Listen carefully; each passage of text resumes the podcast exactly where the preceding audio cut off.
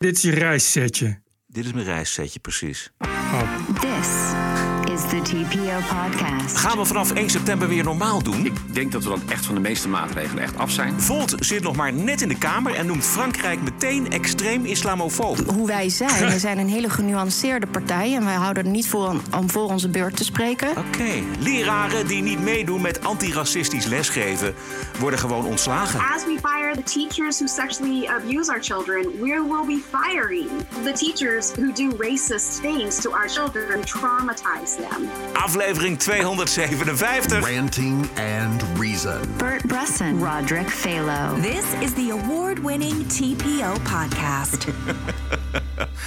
Goedenavond Bert. Ja, het is een beetje... Goedenavond. Jeez, wat een begin. Wat een begin. Oh, man, man, dat belooft wat. Het is een beetje, Eh, dat- beetje kamperen is het gewoon. Dat is het. Ja, jij zit in Duitsland. Ik zit in Duitsland, het is maandagavond 31 mei. Eh, jij zit aan de oever van de Atlantische Oceaan en ik zit aan de oever Aha. van eh, de Koningszee. Dat is het Koningsmeer. Koningszee, hè? Het Koningsmeer in de Duitse Alpen is dat. Bij welke grote plaats is dit dichtbij? Oh, dit is, eh, even kijken, een half uurtje, drie kwartier rijden van München naar, naar het zuiden. Ah, Zuid-Duitsland. Precies, het ligt vlakbij Salzburg. Het ligt eigenlijk op de, op de Duits-Oostenrijkse grens. Ja, ja. Oké, dan kun je naar een bierhal ook. Ja, daar kun je naar. Dat is, is dan, eh, ja, dit is wel een beetje foute grond, is dit, eh, Bert. Ja, daarom, daarom. Het is een daarom. fantastisch wandelgebied, maar het is ook de plek waar Hitler zijn buitenverblijf had. Eh, begon voor zijn machtsovername, had hij hier een soort van blokhut die hij huurde. De Berghof. En na 1933 heeft hij eh, dat gekocht en heeft hij het helemaal uitgebreid. De hele nazi-top had hier allemaal huizen. In april 1945 hebben de geallieerden het eh, buitenverblijf en het hoofdkwartier gebombardeerd hier. En de SS heeft het eh, voor de overgave nog even in de brand gestoken. In 1952 heeft de Duitse overheid alle restanten eh, opgeruimd. En is er eigenlijk niks meer te zien behalve een muur. Een Oh ja, precies. En een, en een, en een aanwijzing, hier was het of zo. Ja, hier was het precies. Dat staat er inderdaad Ja. wel. Maar wat er nog wel is, is eh, op 2000 meter hoogte het Adelaarsnest. Dat is Oh ja. een huis wat voor Hitler eh, voor zijn verjaardag gebouwd is. Maar hij vond daar helemaal niks aan, las ik. Ik geloof dat hij er in totaal zes keer geweest is.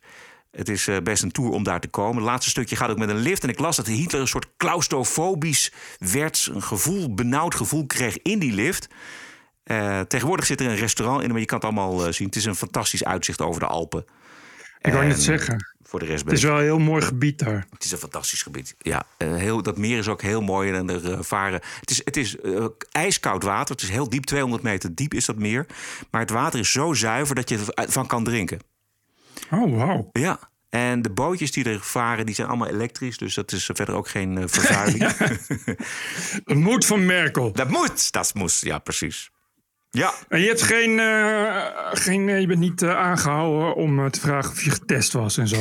Nee, ik ben niet aangehouden, maar ik, ik moet me wel om de twee dagen laten testen. En volgens mij kom je er ook nergens in zonder test. Want bijvoorbeeld voor dit hotel moest ik een negatieve Oh ja. test eh, overhandigen. En toen vroeg ik van hoe lang is deze geldig? Nou, twee dagen. Dus ik, moet, ik heb vandaag weer getest, weer negatief. En moet ik woensdag, mietwoch, moet ik weer. En je komt ook geen bus in of wat dan ook. Het is allemaal. of of, of zo'n bootje kom je ook niet in. Eh, zelfs een restaurant. Nou ben ik alleen, dus ik, ik mag in mijn eentje zonder test mag ik daar eh, gewoon eh, bier drinken en eh, wat eten. Maar ehm, mensen die met meer zijn, die moeten ook weer zo'n test laten zien. Ja, het- je bent wel in Duitsland. Kijk, het is niet Frankrijk of het is niet Spanje. Het is echt gründlich. Het is controle. Ja, precies.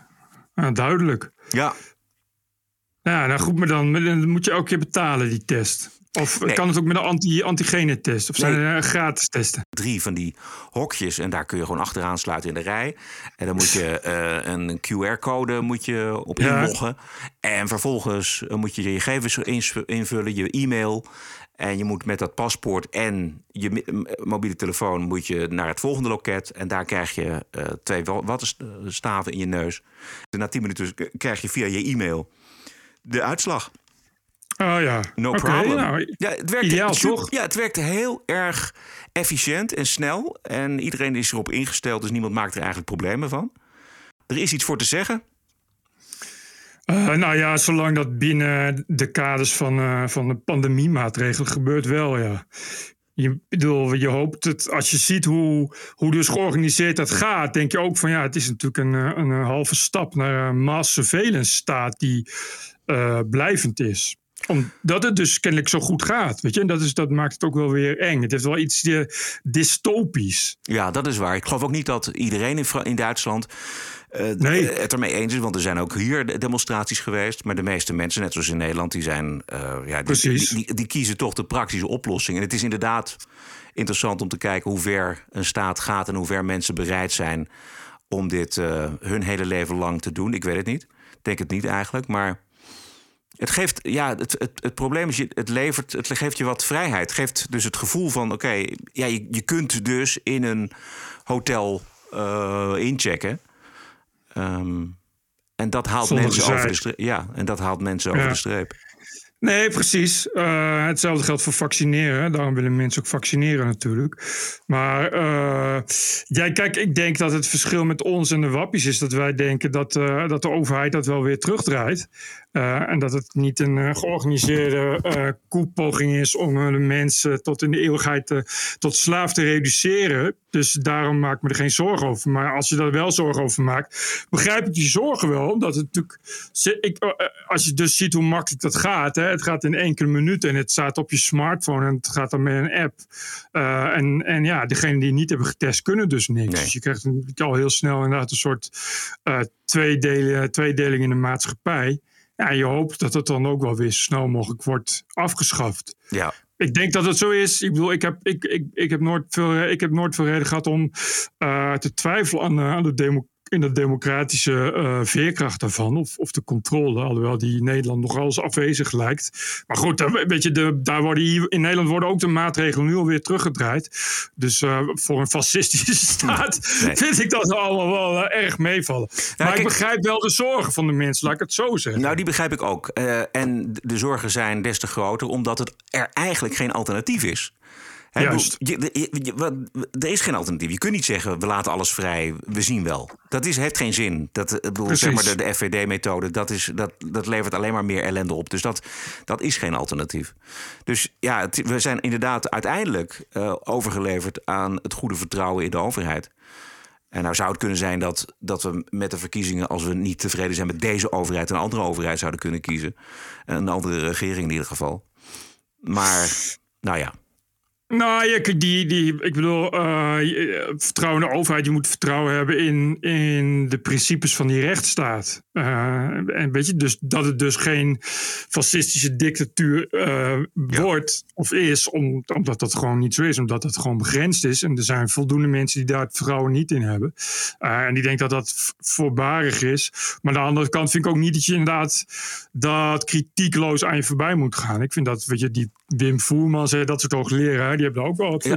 gezonde kritiek op. Dat zegt van ja, je, je morrelt wel aan de scheidslijnen van, van, ja. Van die burgerrechtenvrijheid, Ja. van, van die grondwet. En daar moet je wel kritisch op blijven, omdat ja, kijk, die macht maakt natuurlijk ook wel verslavend. Ja. Het is natuurlijk ook iets wat een makkelijk een, een, ja, een glijdende schaal heeft en function creep en dat soort dingen. Uh, ja, Weet je, daar, daar, daar uh, en, en als je het zo hoort, zie je dat toch al snel voor je. Weet je, dat idee dat je overal moet worden gescand. Of je, nee, en dat je dan dus kunt kiezen tussen goede en foute burgers. En de foute burgers mogen nergens in. Ja, een Oh ja. beetje dat Ja. gevoel is het toch. Ja. Ja, geeft, uh, geeft, geeft nare beelden. Ja. Um, even, als we dit, dit vaccinatietempo uh, aanhouden in Nederland, dan is het op 1 september zo goed als klaar.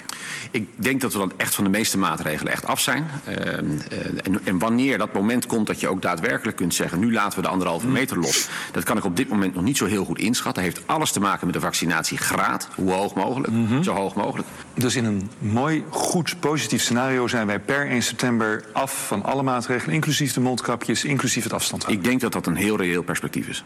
Ja, dit is uh, Hugo de Jonge natuurlijk bij WNL afgelopen zondag. Yep.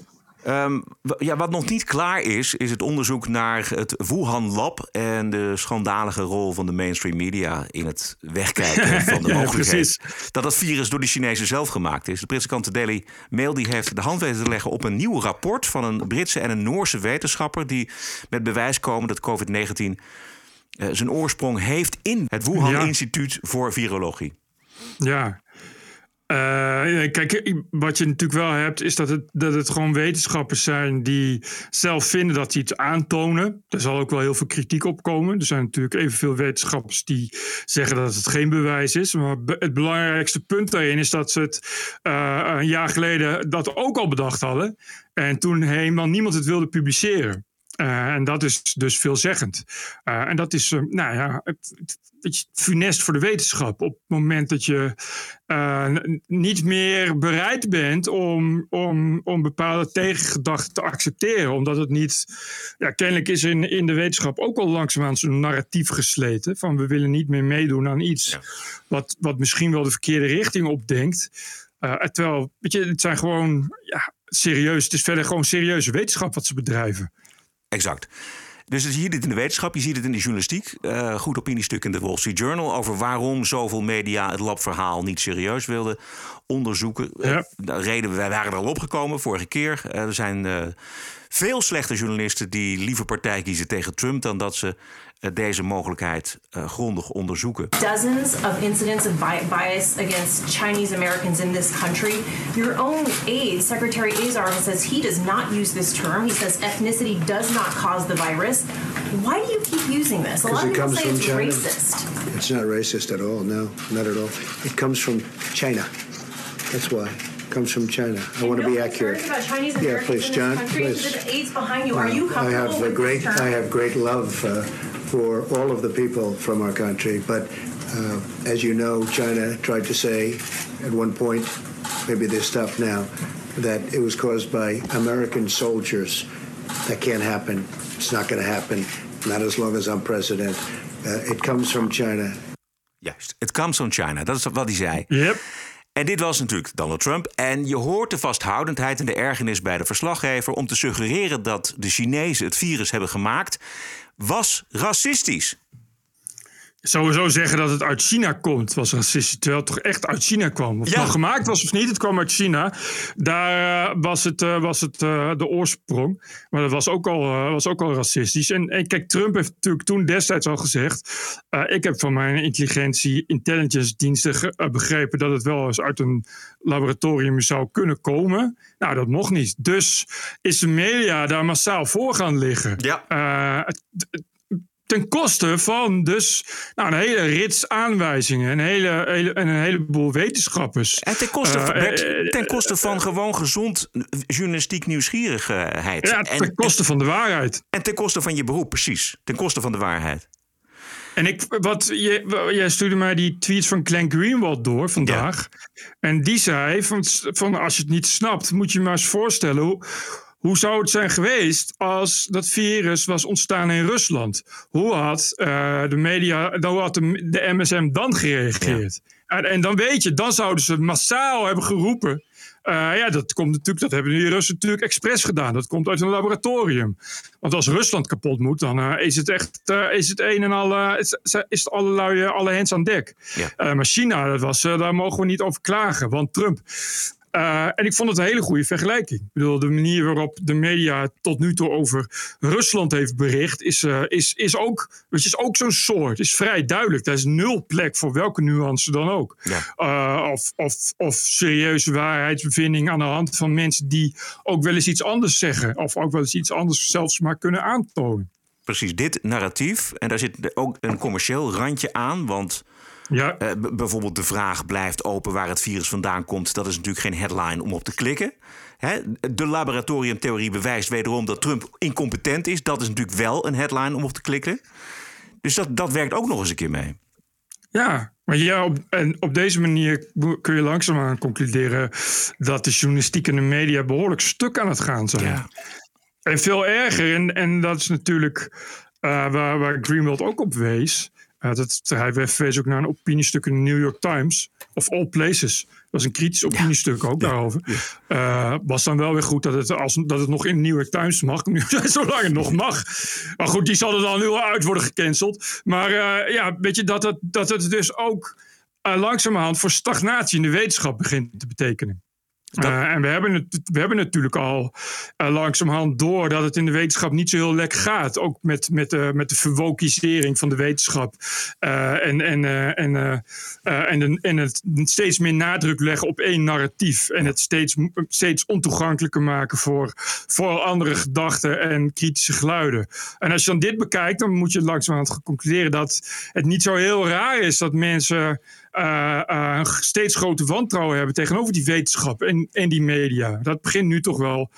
En als het straks dus inderdaad waar is, mocht het ooit blijken, mocht ooit een manier zijn dat aan te tonen is dat het echt uit een laboratorium komt in Wuhan, ja, dan, dan uh, is, dat, is die, die journalistiek toch wel echt extreem veel geweld aangedaan. Ik denk niet dat dat een vertrouwen is wat snel kan worden hersteld ook. Nee, maar we hebben natuurlijk al vaker dit soort zaken gehad. En we hebben natuurlijk de, de, nou, precies. het missen van de verkiezing van Trump gehad in 2016. We hebben, wat ik de vorige keer precies. ook al noemde, we hebben Merkel gehad... die het hand boven het hoofd werd gehouden met de hele immigratietoestroom. Dat was ook een fout die de journalistiek zelf erkend heeft. Maar nou ja, goed, ze zijn eigenlijk uh, min of meer op dezelfde voet verder gegaan. Precies. En, en, en voor alles wat ik de afgelopen twee weken gelezen heb, Bert... is, is die laboratoriumtheorie vele malen aannemelijker dan het vleermuizenverhaal. Nou, statistisch gezien wel. Dat bedoel ik. Uh, die, die vleermuizen die werden gevonden in de grot meer dan 1600 kilometer verwijderd van, ja. uh, van, uh, van Wuhan. Dus ja. op het moment dat je gaat zeggen dat, dat, daar, uh, dat het van, van die vleermuizen komt. En dat die vleermuizen op een of andere manier bij een wetmarker terecht zijn gekomen. En pas daar mensen zijn besmetten. Als je dat afzet tegen, tegen de statistische mogelijkheid dat het gewoon inderdaad uit de plek komt waar de eerste slachtoffers zijn gevallen. Namelijk ja. Wuhan. Ja, dan is dat, die kans statistisch natuurlijk gewoon veel groter. En, maar, maar als je dit nu leest, zo, zoals in de Daily Mail, dat die wetenschappers zeggen: ja, we hebben het echt aan zoveel, uh, uh, zoveel tijdschriften uh, en wetenschappelijke magazines aangeboden en we werden gewoon genegeerd. Ja. En dat is gewoon ernstig, want ja. dit zijn gewoon wetenschappers. Het zijn niet, weet je, het, het, het, is niet dat ze een stukje opinie in elkaar hebben geflanst. Het zijn gewoon wetenschappers die gewoon, als het een ander onderwerp was geweest, was een artikel gewoon gepubliceerd. en, en bij nu ineens zeiden al die bladen: nee, we gaan niet stukken plaatsen waaruit misschien zou kunnen blijken dat. waaruit aanwijzingen zou kunnen blijken dat het uit een laboratorium ja, komt. Dus dat is natuurlijk heel slecht. Heel... Wetenschap mag dat gewoon niet doen. En maar de journalistiek ook niet. Die mag ook niet voor ingenomen nee. zijn. Dus dat zijn twee takken van sport die per se unbiased moeten zijn. Niet voor ingenomen. En ze zijn het wel. Nee, ja, precies. En wat je net zegt, we hebben al zoveel gehad. En na de eerste keer, een paar keer, denk je, nou ja, um, het is nooit te laat om terug te keren. Weet je, misschien kan het nog goed komen. Maar dan begin je nu al over te twijfelen. Je kan nu al, nu al, ongeacht de uitslag, kun je al bedenken dat ja, de media daar al een kwaadaardige rol in hebben gespeeld. Uh, en het lijkt er dus niet op dat die media daar veel van uh, hebben geleerd uh, de vorige keer. En het lijkt er ook niet op dat er veel gaat veranderen. En dat is best wel, als je dat combineert met de gedachte hoe uh, verdeeld bijvoorbeeld de Amerikaanse samenleving is en hoe groot uh, uh, de, weet je, het verschil tegen elkaar van, van mainstream media en alternatieve media is en hoe groot steeds meer die bubbels met verschillende waarheden worden. Als je daarbij bij bedenkt dat die wetenschap daar nu ook mee bezig is. Ja. Um, dat is wel iets wat, wat in de toekomst echt, nou dat wordt het wel inderdaad een, een informatieoorlog die steeds, steeds pijnlijker wordt en zo steeds meer gaat betekenen. En, en waardoor, nou jij en ik daar in elk geval eerder meer het slachtoffer van zullen worden. Omdat je dan steeds meer het gevoel gaat krijgen. Uh, bovendien, weet je, dankzij de komst van deepfakes en, en weet ik veel wat, uh, uh, noem het allemaal maar op.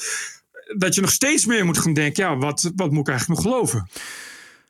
Een klein voordeeltje is wel dat er, uh, denk ik, een hoop behoefte zal blijven aan podcasts als deze. Die de boel, uh, zo, ja, zeker voor ons wel. de media in de gaten houdt en daar uh, heel kritisch naar kijkt. Ja. Nee, maar dat, maar kijk, maar dat voor, voor ons wel en, en voor, voor mediamakers als wij in de, in de alternatieve media is, heeft dat natuurlijk voordelen. Maar het is als je, nou, nu, als je nu al ziet hoe uh, een groot gedeelte van de mensen die zich niet laat vaccineren, bijvoorbeeld, uh, baseert zich op informatie van social media. Ja. Als je ziet wat het voor informatie is. Ja. ja, je hoeft niet, niet gestudeerd te hebben om te zien dat dat, dat, dat niet waar is. En dat wordt dus alleen maar erger. Omdat dat vertrouwen in, in, gewone, in gewone wetenschap en het vertrouwen in, in normale journalistiek, ja, die, die wordt alleen maar kleiner. En dat zorgt toch wel, gaat toch wel echt voor problemen zorgen. De vraag is of Biden iets boven water krijgt met zijn eis tot een nieuw onderzoek. Het verschil tussen de strijdvaardigheid van hem tijdens de verkiezingen. I would be on the phone with China and making it clear we are going to need to be in your country. You have to be open. You have to be clear. We have to know what's going on. En de Biden als president is best groot. We had a chance to ask him if these reports are true that China maybe misled the world at the beginning. No, I, I have not had that conversation with President Xi. Right. Ja. Goh, man, dat is uh, Biden zoals je Biden kunt verwachten. Schiet lekker op, Dit, zeg. eh, Nou ja, het is, het is typisch, typisch eh, wat je kunt verwachten bij een democratische president. Veel beloftes en uh, daarna de vraag, heb je er al wat mee gedaan? Nee, nee. hoezo? Nee. Weet je, alsof, alsof hij het überhaupt nooit beloofd heeft. Of als het überhaupt nooit een issue is geweest. We gaan naar uh, eigen land. Er is aangifte gedaan tegen demissionair minister Kaag... wegens het financieren van een terroristische organisatie. Uh, dat heeft publicist en oud-PVV-europarlementariër Lucas Hartong gedaan. Yep. En de aanleiding was dat vorig jaar bekend werd dat twee Palestijnen... die worden verdacht van een bomaanslag op een Israëlische familie... deels werden betaald van Nederlands ontwikkelingsgeld. De twee mannen die hebben bovendien een pasje gekregen... van de Nederlandse vertegenwoordiging in Ramallah... waarmee zij zich konden identificeren. Het Palestijnse terreurduo werkte tot 2019 voor een met Nederlands geld gefinancierde Palestijnse NGO... die banden had met de terreurorganisatie Volksfront voor de Bevrijding van Palestina. En het blijkt dat Kaag meermaals is gewaarschuwd. En dat was de reden voor Hartong om aangifte te doen.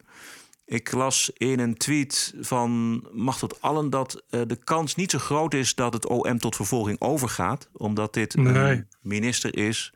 En dan moet het echt vanuit de Tweede Kamer komen, volgens mij. Uh, om dan een minister afgezet te krijgen om die reden dan. Ja, dat zal Lucas Hartong ook wel weten. Maar het gaat natuurlijk om het symbolische gebaar. Exact, ja. uh, niet geheel onterecht. Uh, je weet natuurlijk, het, wat je zegt, het was natuurlijk al heel lang bekend. Het is sowieso iets wat natuurlijk iedereen al dacht.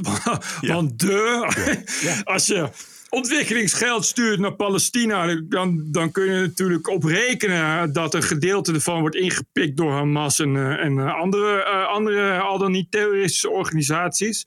Ja, toen is het dus inderdaad aangetoond uiteindelijk, na, na, na veel ja, na veel verdacht, verdachtmaking werd daar uiteindelijk bewijs voor gevonden. Ja, nee, ik dacht nu ook, als je, die, als je al die raketten op Israël zag, zag neerkomen, dan denk je toch van, nou, daar zal toch gewoon gedeelte K-geld ook wel weer tussen zitten. Ja. Die ja. raketten, die moeten toch ergens van worden betaald. Uh, ja. En het lijkt me niet dat Palestina een succesvol handelsland is of, uh, of, uh, of veel verdient met toerisme en industrie. Dus ge, ja. Ge, geen bloeiende economie, nee, zeker niet. Dus nee, precies. Nee, nee.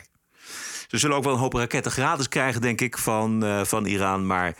Uh, nee, ja, precies. Ja, hier, hier kan uh, wel degelijk de Nederlands geld tussen zitten. En dat is natuurlijk absoluut niet de bedoeling. Dit is natuurlijk altijd per definitie al de boze kant geweest van ontwikkelingshulp. Aan, aan, wel, aan alle landen. Je bent er altijd zeker van uh, dat, er, dat een gedeelte, al dan niet alles, terechtkomt bij warlords en corrupte ja. regimes. Uh, en bij mensen die uh, veel verdienen, maar geen, ontwikkelings, geen ontwikkelingsgeld. en de arme burgers die alleen maar een waterpomp willen, of überhaupt een normale school of wc, die krijgen niks. En dat is natuurlijk altijd de kritiek geweest op ontwikkelingshulp. Nou hebben we in Nederland nog nooit ook maar iets met die kritiek gedaan, omdat het nou eenmaal veel fijner is om te doen. Uh, ja, om je zieltje te bleken door te zeggen: Nou, ik geef toch elk jaar een percentage van mijn, uh, van mijn gehele budget geef ik aan ontwikkelingshulp. Maar het, het is wel waar. Het is wel iets wat. wat wat, wat inherent is aan ontwikkelingshulp weggeven. En Zeker dus in dit soort, dit, soort, dit soort rogue states. Precies, en ontwikkelingshulp houdt ook die situatie in stand. Want, en dat heb ik wel eens gelezen bij uh, een Keniaanse uh, vrouw, Dambisa Moyo heet zij. Zij is een Harvard-student en komt uit Kenia en uh, heeft daar een boek over geschreven. over dead aid. Zij zegt. Kijk, noodhulp oké, okay, maar ontwikkelingshulp zorgt ervoor dat die regimes dat die dus eigenlijk alleen maar een relatie hebben met de donorlanden, niet met hun burgers. Yep. En dat is het grote probleem. Dus ze hebben ook geen enkele behoefte om eh, iets te doen voor die burgers. Dat maakt helemaal geen fuck uit. Want ze zitten te wachten op het geld van Nederland en al die andere eerste wereldlanden. Dat is hun relatie, niet met de bevolking. Dus waarom zou je Yep. bijvoorbeeld wegen of een brug of scholen aanleggen? Ja, dat levert ook niks op. Nee. Dat is, en, en dat is het probleem. Maar ja, eh, weet je, kijk, linkse, linkse mensen zeggen dan van nee, eh, ontwikkelingshulp afschaffen, dat is, dat is cynisme, dat mag niet. Dat mag niet. Cynisme mag niet van links. Het is verboden. Eh, Terwijl ontwikkelingshulp, dat is cynisme. Ja, dat vind ik dus ook. Volgens mij moet je, eh, als je, als je, je moet daar dan, je moet gewoon eh, in het kapitalisme al daar investeren, eh, mee op bedrijven opzetten. Ja, zorgen, dat, zorgen dat je daar winst maakt. Geef die mensen een microkrediet om, om iets op te starten of zo. Weet je? Zet er, zorg dat de Nederlandse bedrijven. Nederland is het goed in bruggenbouw, nietwaar? Daar, daar lekker geld kunnen verdienen met bruggenbouwen. En dat soort dingen. Weet je, dat, dat, is, dat is wat werkt. Maar we zitten in Nederland nog steeds daaraan vast. En, en nog steeds. Ja, ik heb een keer. Ik vind het jammer dat ik de naam kwijt ben. Maar dat was een, een Volkskrant eh, journalist. Die mocht kennelijk zijn eentje een heel essay schrijven op de voorpagina of zo. Dat ging over ontwikkelingshulp.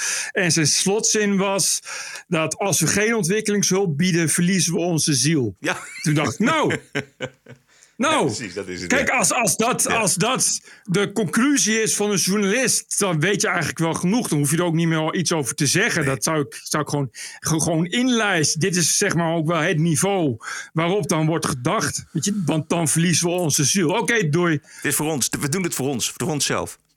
Ja, niet voor de mensen daar. We doen het voor onszelf, voor een eigen goed gevoel. Ja, verliezen we onze ziel.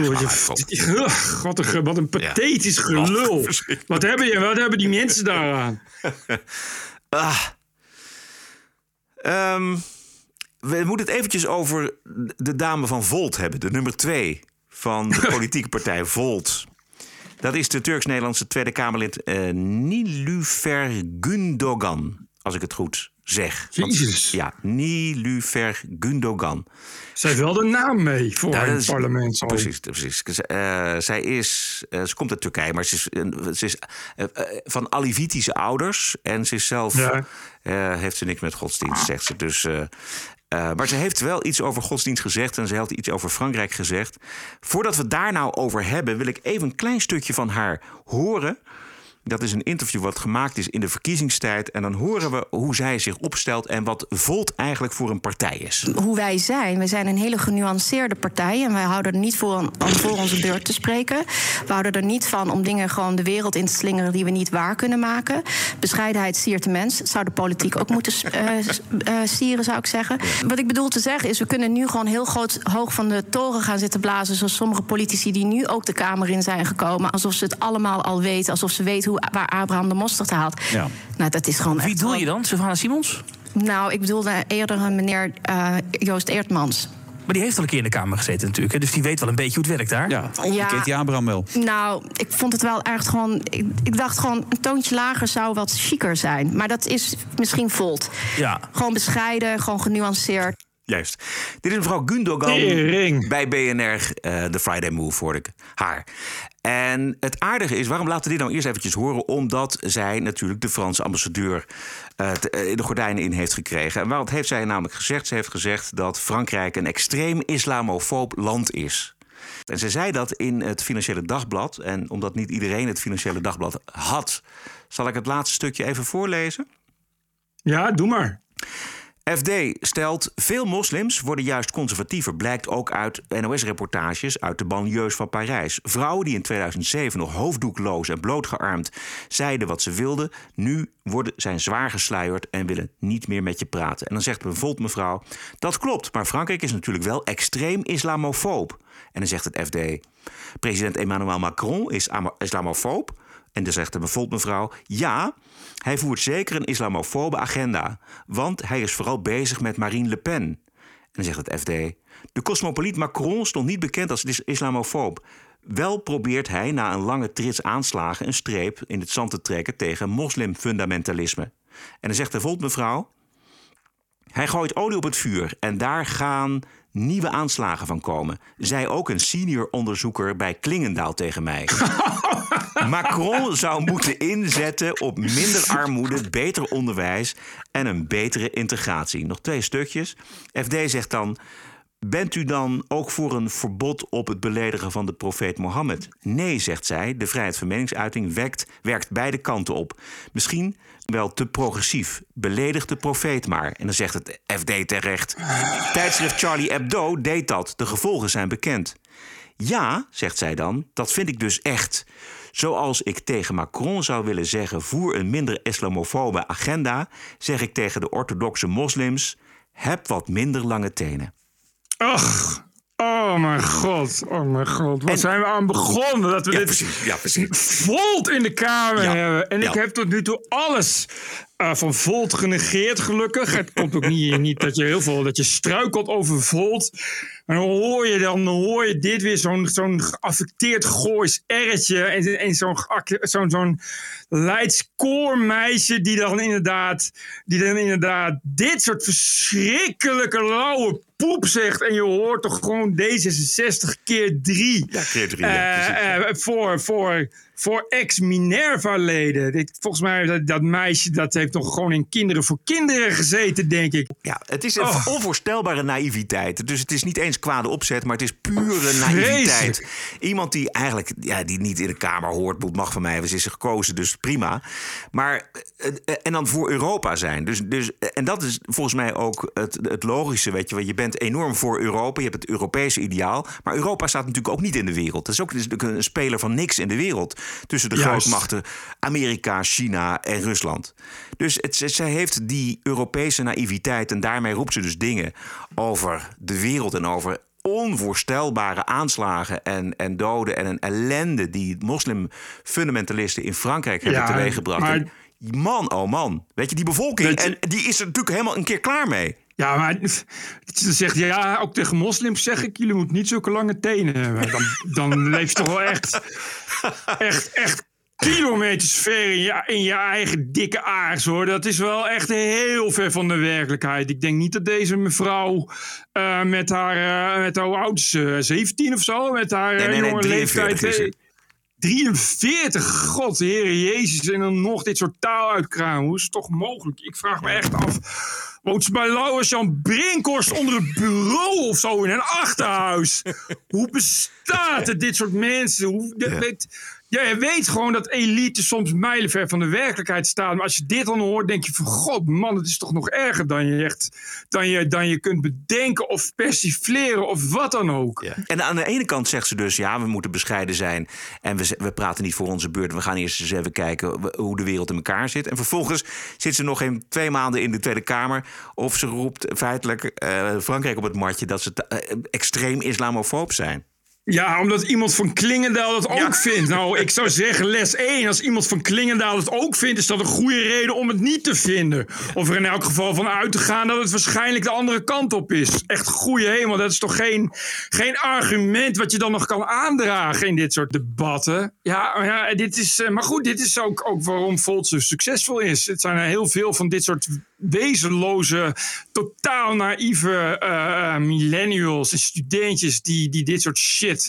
eh, ja, het gaat erin als godswoord in een oude, ouderling. Ah, man, als je alles, alle aanslagen in Frankrijk onder elkaar zet... Hè, van, van Samuel Paty tot de Bataclan tot Nice... Tot, dat is zo'n onvoorstelbaar ho- grote hoeveelheid. En dat die mensen, dat die Fransen, dat, dat de regering... dat dat land zo ongelooflijk klaar is met dat fundamentalisme... Dat, dat je dan dit zegt gewoon als een parlementariër in Nederland... Er is nog steeds een grote groep mensen die doodleuk beweren dat het gewoon inderdaad schuld is van discriminatie. En achterstelling in de maatschappij en de islamofobie. En dan- Want dan ga je aanslag plegen of zoiets. The award winning TPO podcast. Snoeihard oordeel in de Telegraaf over Ankie Broekers-Knol... als de suikertante van criminele asielzoekers... en asielzoekers die hier eh, helemaal niks te zoeken hebben... die dus helemaal geen recht op asiel kunnen krijgen. Eh, vorig jaar waren dat er bijna duizend... en die krijgen dan het verzoek om te vertrekken. En de meeste gaan niet, maar zeker bij een derde bleek uit het stuk van de Telegraaf... eh, een derde van hen is er geen enkel zicht op dat vertrek. En Broekers-Knol is de grootste mislukking op migratie ooit omdat zij ook in een andere wereld leeft. Luister maar. Desalniettemin is het toch gelukt aan onze dienst terugkeer en vertrek om toch mensen te laten terugkeren naar een land van herkomst. En wat ik er altijd bij zeg, vrijwillige terugkeer kan altijd. En daar helpt ook de dienst terugkeer en vertrek eh, mee. Maar er zijn Ja. mensen die dat niet willen en dat is lastig en dat maakt het wat moeilijker.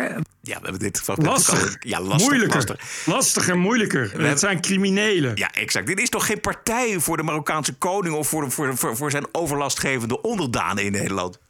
Maar het is toch überhaupt raar dat je dat je, je zicht op, op criminelen kwijtraakt. Dat je zegt, je moet, je, je, hebt, je moet naar de cel en dan heb je die straf uitgezet. Ja, daarna moet je worden uitgezet.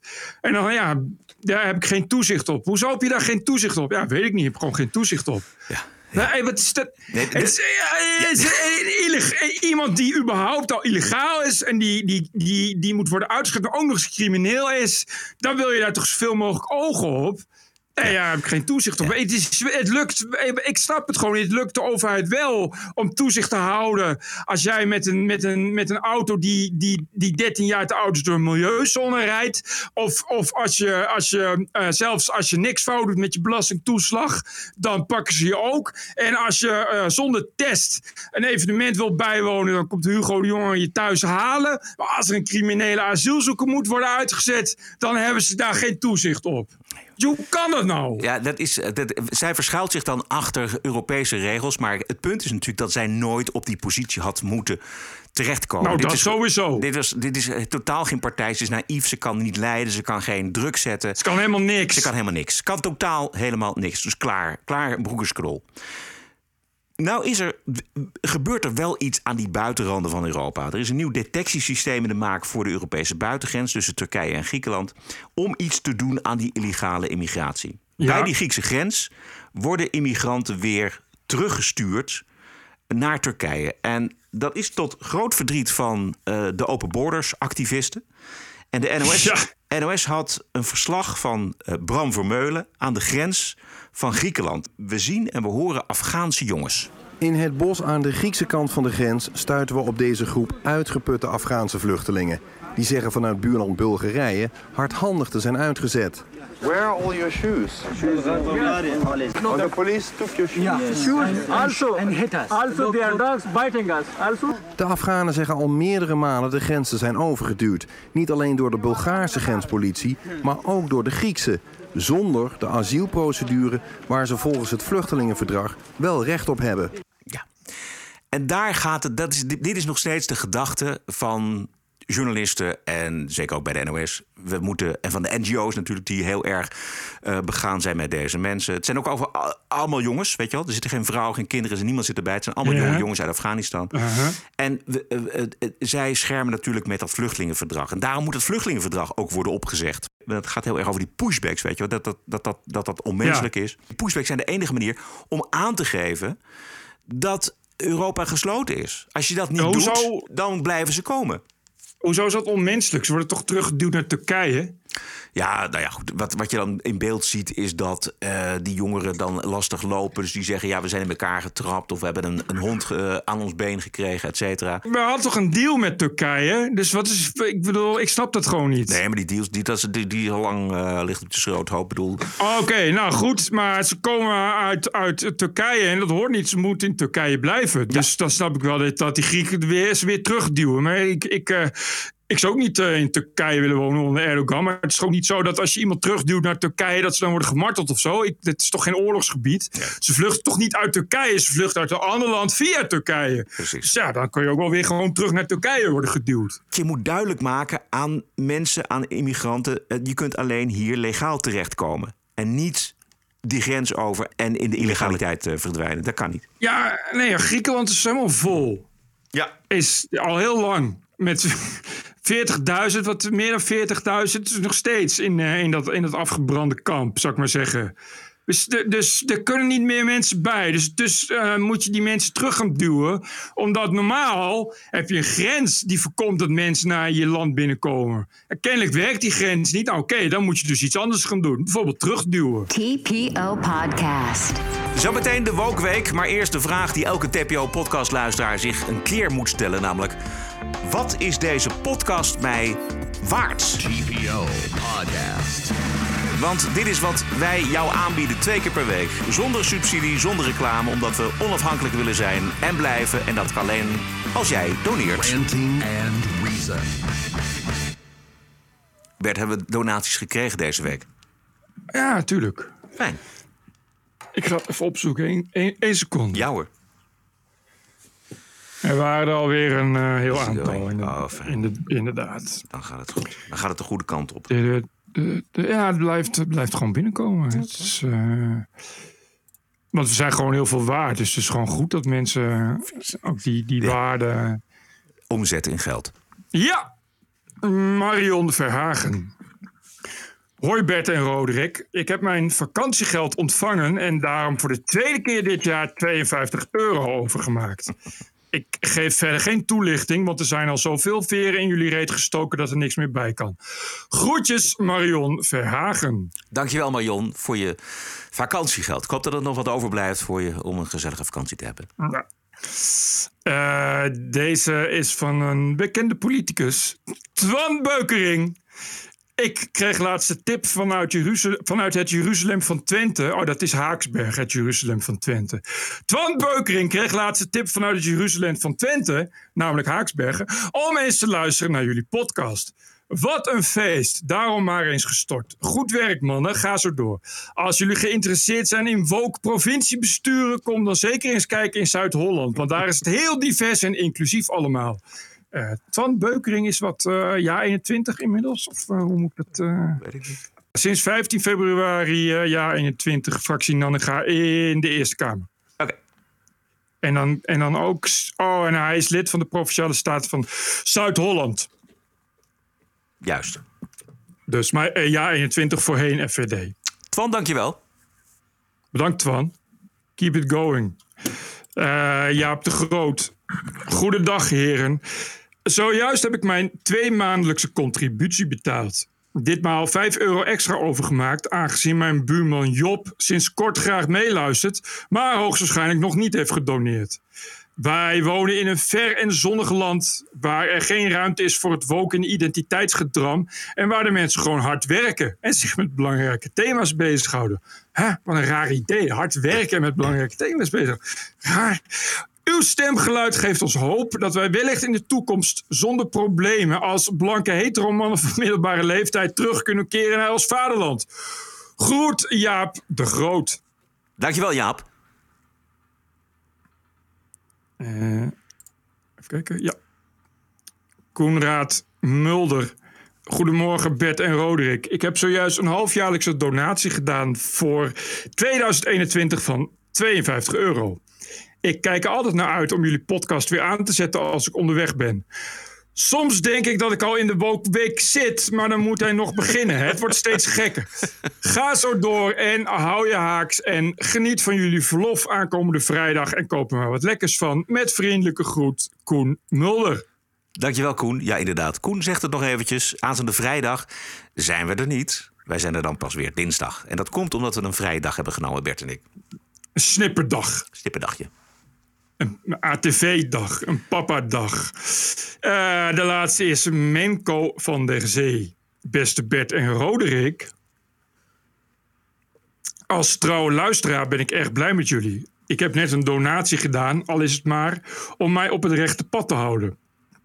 Wat zoveel betekent als me ergeren en verbazen over de woke shit, maar door jullie humor en relativeringsvermogen niet doorslaan in aan alles hekelen wat, meer op, wat maar op inclusie, racisme, etc. lijkt. Want soms krijg ik er toch een nagevoel van. Vandaar ook een vraag. Kunnen jullie tips geven om in die totale woke-waanzin het toch nog luchtig te houden? Met name Roderick hoor ik vaak schaten lachen. PS, meer Amerika, AUB, vriendelijke groet, Menko van de Zee. Nou, Roderick. Menko, om even met het laatste te beginnen, meer Amerika, dat zouden we ook wel willen. En misschien moeten we ons daar eventjes uh, weer in verdiepen. Maar het is, die, die Biden is zo ongelooflijk saaie vent. Ja, precies. En, en, die, uh, en al die, die ja, de, de nieuwsmedia uh, die zijn helemaal op zo'n hand. Dus we kunnen wel wat dingetjes halen van gezond verstand bij Fox News vandaan. Maar ja, en wat gebeurt er nou allemaal? Het is, ik weet het niet. Het is, de, de, de spanning is er een beetje uit uit Amerika. Vind jij, Bert? Ja, toen met Trump was het nog leuk, maar er, er gebeurt niet zoveel. Maar goed, ja, aan de andere kant, wat je zegt, we kunnen ons ook meer in verdiepen. Ja, dus, precies, maar ja. En over de luchtigheid van de woke. Ja, kijk, uiteindelijk is het natuurlijk gewoon krankzinnigheid. Ik vind het wel de grootste bedreiging die er is op dit moment voor de persoonlijke vrijheid. Maar eh, als wij dus. Kijk, wat ontbreekt aan de woke is natuurlijk humor. En als zolang wij die humor houden. Dan zijn wij niet vatbaar voor eh, al die enge woke-ideeën. Ik denk dat het dat een beetje is. Precies. Nou, dit was het?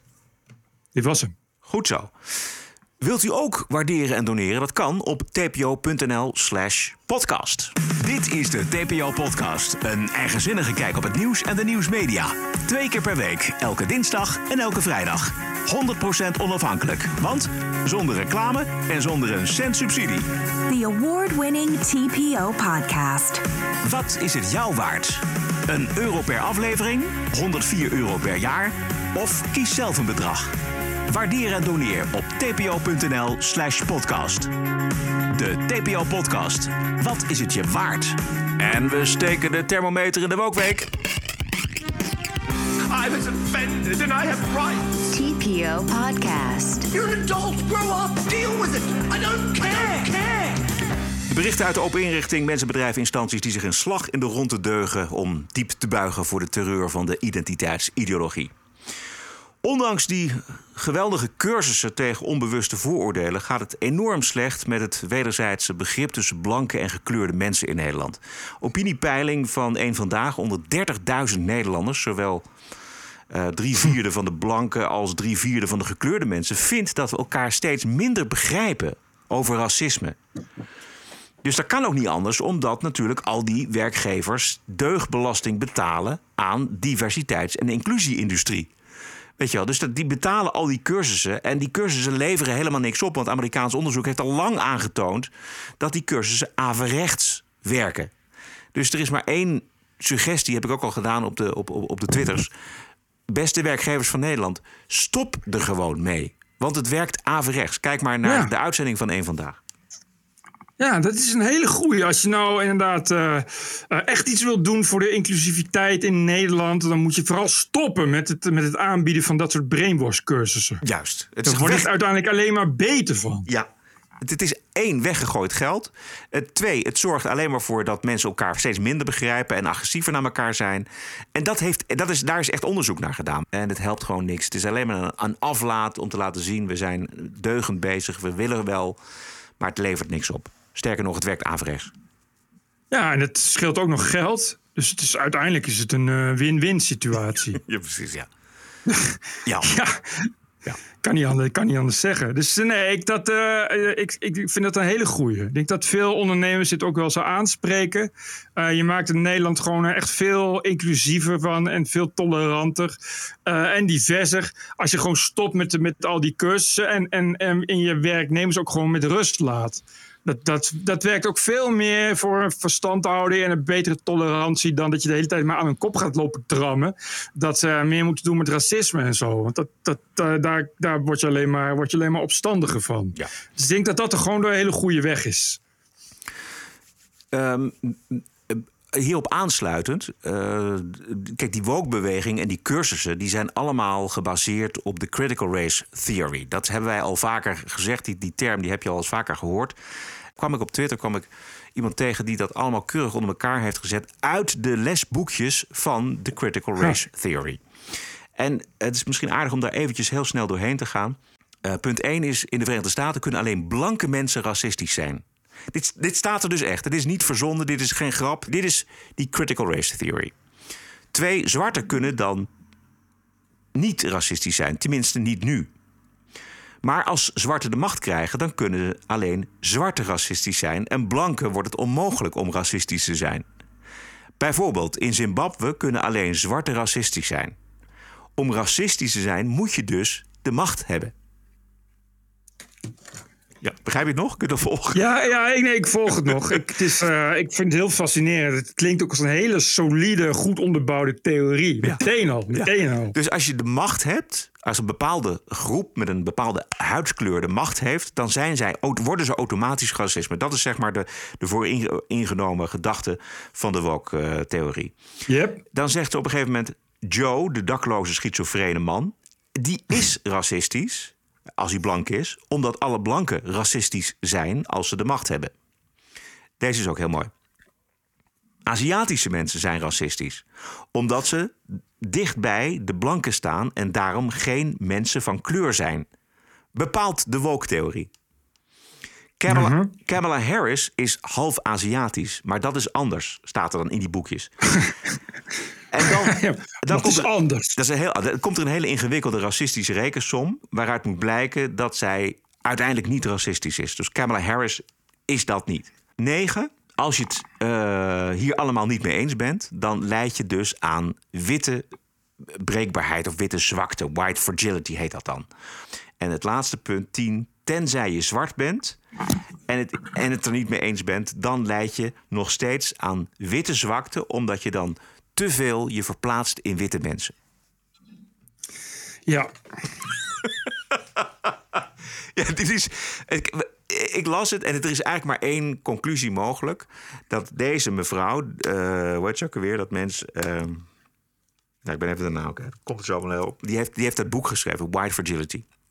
En de hele gedachte achter woke en de critical race theory is dat in bepaalde gebieden, in landen, als daar een huidskleur in, in de meerderheid is, dan zijn ze dominant. En dan zullen zij handelen naar, ja, naar racistische motieven. Dat is eigenlijk waar zij van uitgaat. Dat is een gesloten theorie.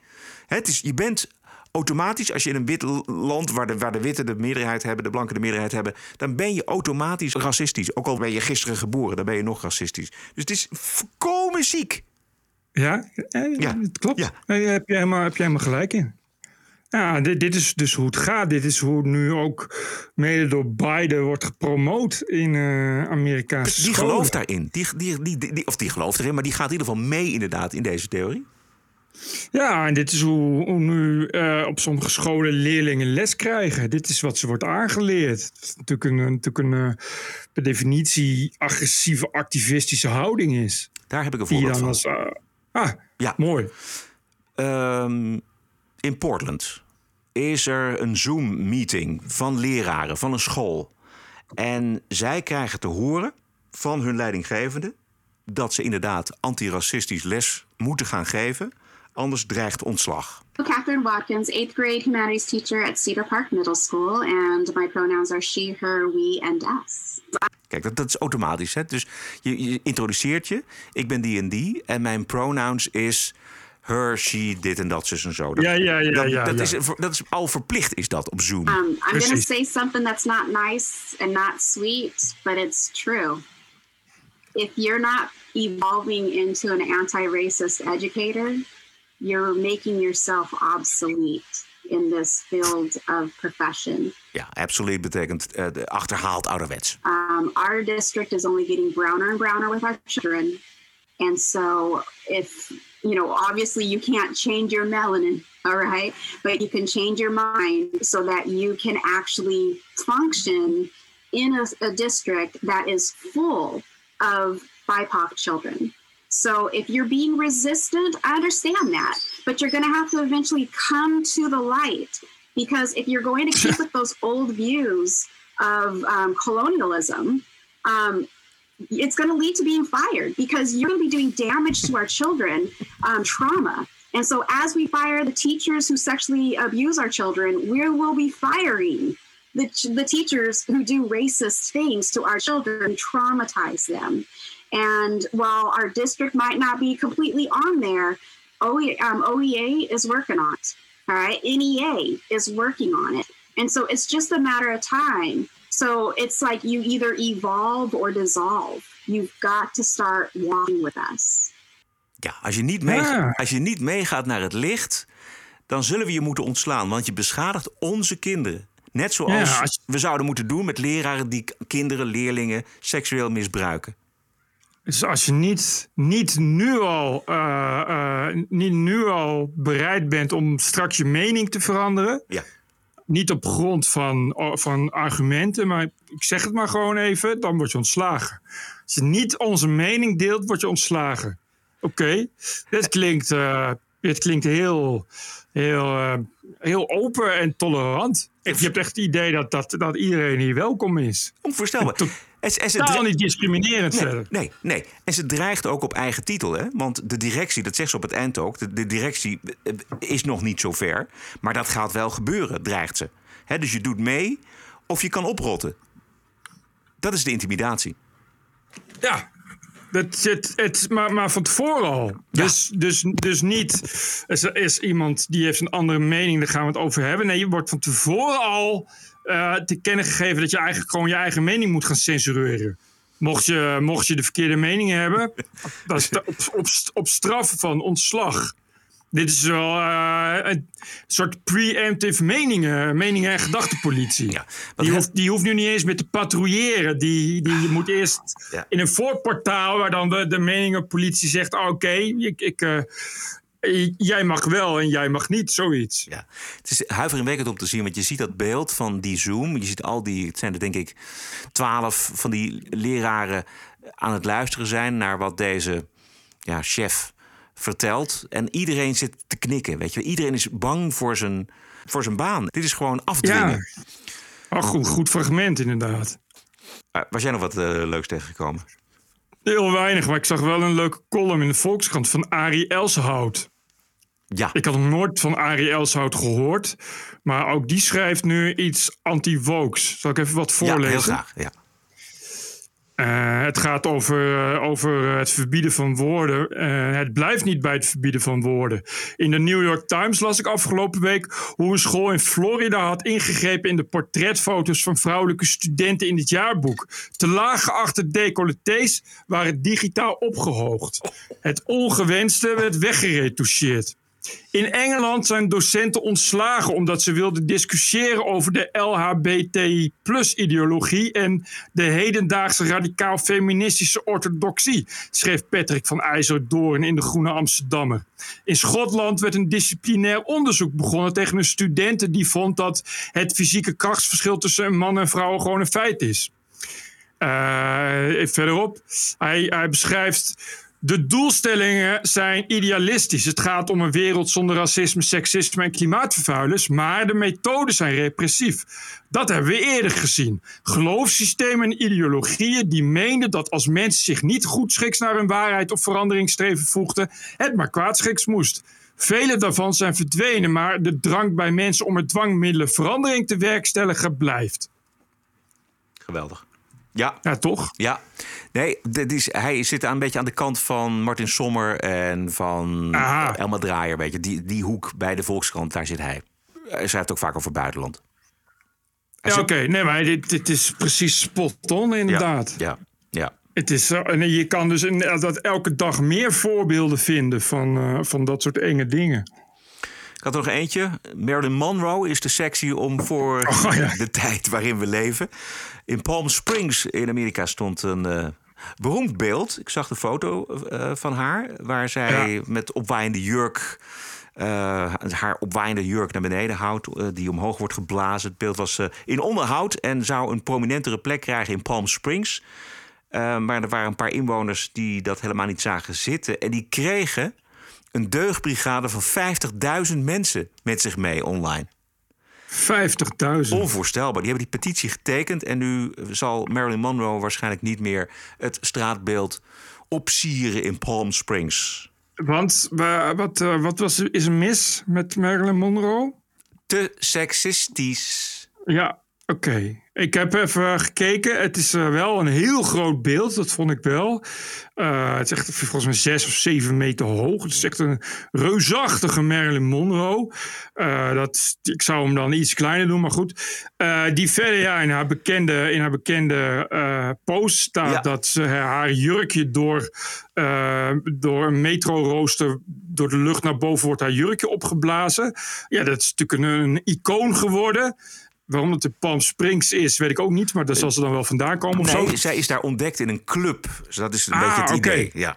Ja, precies. En, en nou, dat lijkt me inderdaad, wie kent Marilyn Monroe niet? In elk geval dat beeld. Iedereen die nog nooit iets van Marilyn Monroe heeft gezien, herkent wel dat beeld. Dus dat lijkt me inderdaad een hele slimme manier om je city te marketen. Maar ik begrijp echt niet wat er seksistisch aan is. Het is echt ook eh, uit de jaren 50. Dus ze heeft ook echt een enkel lange rok aan die dan iets omhoog wordt geblazen. en je iets. ziet dan inderdaad een stukje van haar bovenbeen. het is niet...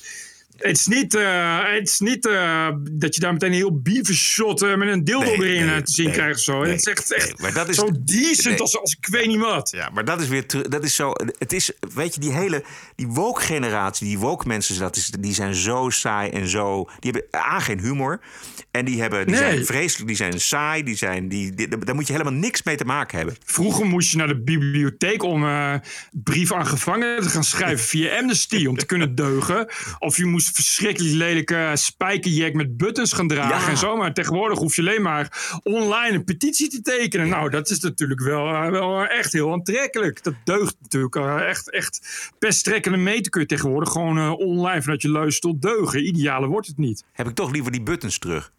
Ja, dan heb je toch liever eh checkrokers en spijker, terug. Weet je. Dat waren er ook niet zoveel. Nee. Hebben we nog meer?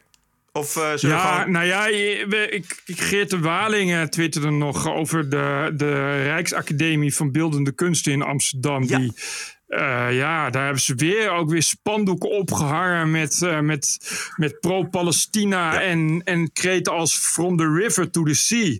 Wat, eh, wat eigenlijk betrekking heeft op het, op het van de kaart vegen van heel Israël, namelijk de zee in. Eh, dus er wordt gewoon eigenlijk eh, een soort, soort, soort statement gemaakt voor pro, pro-Joodse genocide en eh, pro, pro-Palestijnse. er werd ook weer stop, stop Israëlische genocide op en dat soort gelul. En dat hangt dan gewoon aan een, aan een, aan een, aan een academie die bovendien uitzicht heeft op de Joodse buurt van Amsterdam. En die, die maken dan ook nog eens een keer maken ze een persbericht met een statement waarin ze doodleuk zeggen dat ze solidair zijn met het Palestijnse volk en hun terroristen. Ja, ik vond het ook schokkend. Maar wat doe je eraan? Moet je dan zeggen van, eh, dat moet weg? Nou ja, ik vind dat, dat het past gewoon niet bij onderwijs en wetenschap. Daar moet je dan ook iets van kunnen zeggen. Nee, dat is een- Als- een kunstacademie? Ja, dus.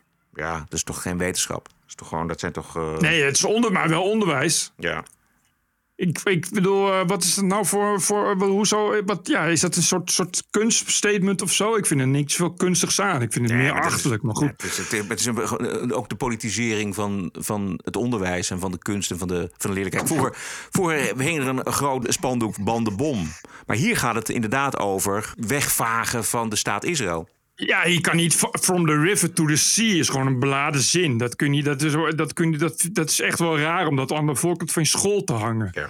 Dat is, ik vind, er zit wel echt een verschil in, in dat je zegt: ik als school wil me eh, laten uitspreken, wil me uitspreken en ik, ik sta achter de Palestijnse zaak of ik steun de Palestijnen, dan, dan, dan dit soort kreten die, die gewoon voortkomen uit, uit het is gewoon puur anti-Joodse retoriek namelijk. Ik zou zeggen, we maken kunst mee of zo. Is misschien een hele rare gedachte voor een kunstacademie, maar het heeft al heel erg, het is, het is allemaal wel heel erg, erg, erg, erg hysterisch. Ja. Nou, ik zit er even over na te denken. Maar het is natuurlijk, je zegt veel meer dan alleen maar Free Palestine. Of je zegt alleen maar, eh, de Palestijnen hebben ook een staat nodig. Of, eh, maar het is, from the river to the sea, is echt het wegvagen van de staat Israël. Dus je, Ja, je het is gewoon, dit is gewoon een Precies, exact. Israël, Israël heeft geen recht van bestaan.